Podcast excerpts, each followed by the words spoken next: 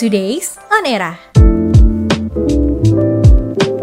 Halo Era Mania, gimana kabarnya nih hari ini Jumat 25 Februari 2022 Semoga sehat-sehat terus, apalagi mau weekend pasti lebih sehat lagi.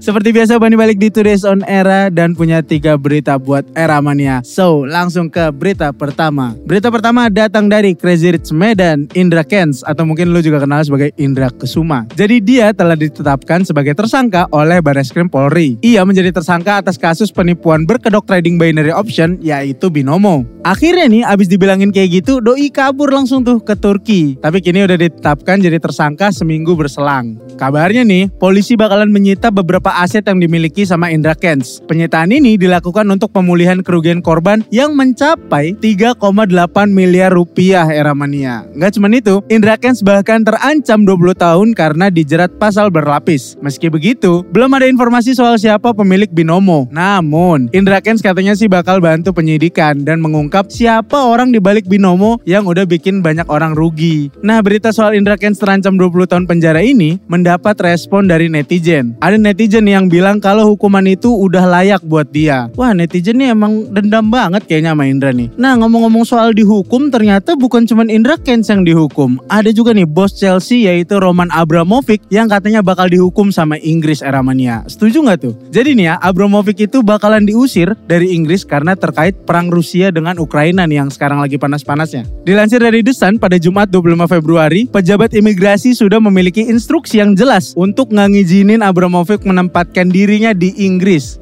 Dugaan kedekatan hubungannya dengan Presiden Rusia yaitu Vladimir Putin menjadi salah satu penyebabnya Romania. Seperti yang kita tahu, Putin ini udah meluncurkan operasi militer ke Ukraina pada Kamis kemarin. Nah, kejadian itu memicu Perdana Menteri Boris Johnson dan Parlemen Inggris untuk membahas sanksi kepada Rusia. Nama Abramovich merupakan salah satu nama yang masuk dalam daftar nama yang pantas diberi sanksi terkait konflik Rusia dan Ukraina. Dilansir dari Voy.id, ternyata Abramovich udah bukan dianggap sebagai warga negara Rusia. Sejak 2018, ia telah menjadi warga negara Israel. Jadi ada kemungkinan sanksi yang akan diberikan ke Abramovich nggak punya landasan hukum yang kuat. Jadi kita tunggu aja perkembangannya gimana ya Ramania. Yang pastinya nih bakal berpengaruh besar sama Chelsea. Kalau sampai kena sanksi sih bisa aja semua aset Abramovich di Inggris bakal dibekukan. Sementara itu, para warga di dunia juga sedang menggelar aksi demo anti perang ya apalagi kalau bukan karena Rusia dan Ukraina. Nah ngomongin soal demo nih, kabarnya PA212 lagi nyiapin aksi demo untuk menurunkan Menteri Agama Yakut Khalil Khumas. Waduh, kenapa lagi ini? Kabarnya nih, aksi demo ini disiapkan usai pernyataan Menak Yakut yang dinilai menistakan agama Islam. Dalam pernyataannya, Menak Yakut dianggap membandingkan suara azan dengan gonggongan anjing. Waduh, kok bisa sih Bapak? Bahkan ya, kata Wasekjen PA212, Novel Bamukmin, pernyataan Menak Yakut itu dianggap lebih parah kalau dibandingkan sama yang pernah dilakukan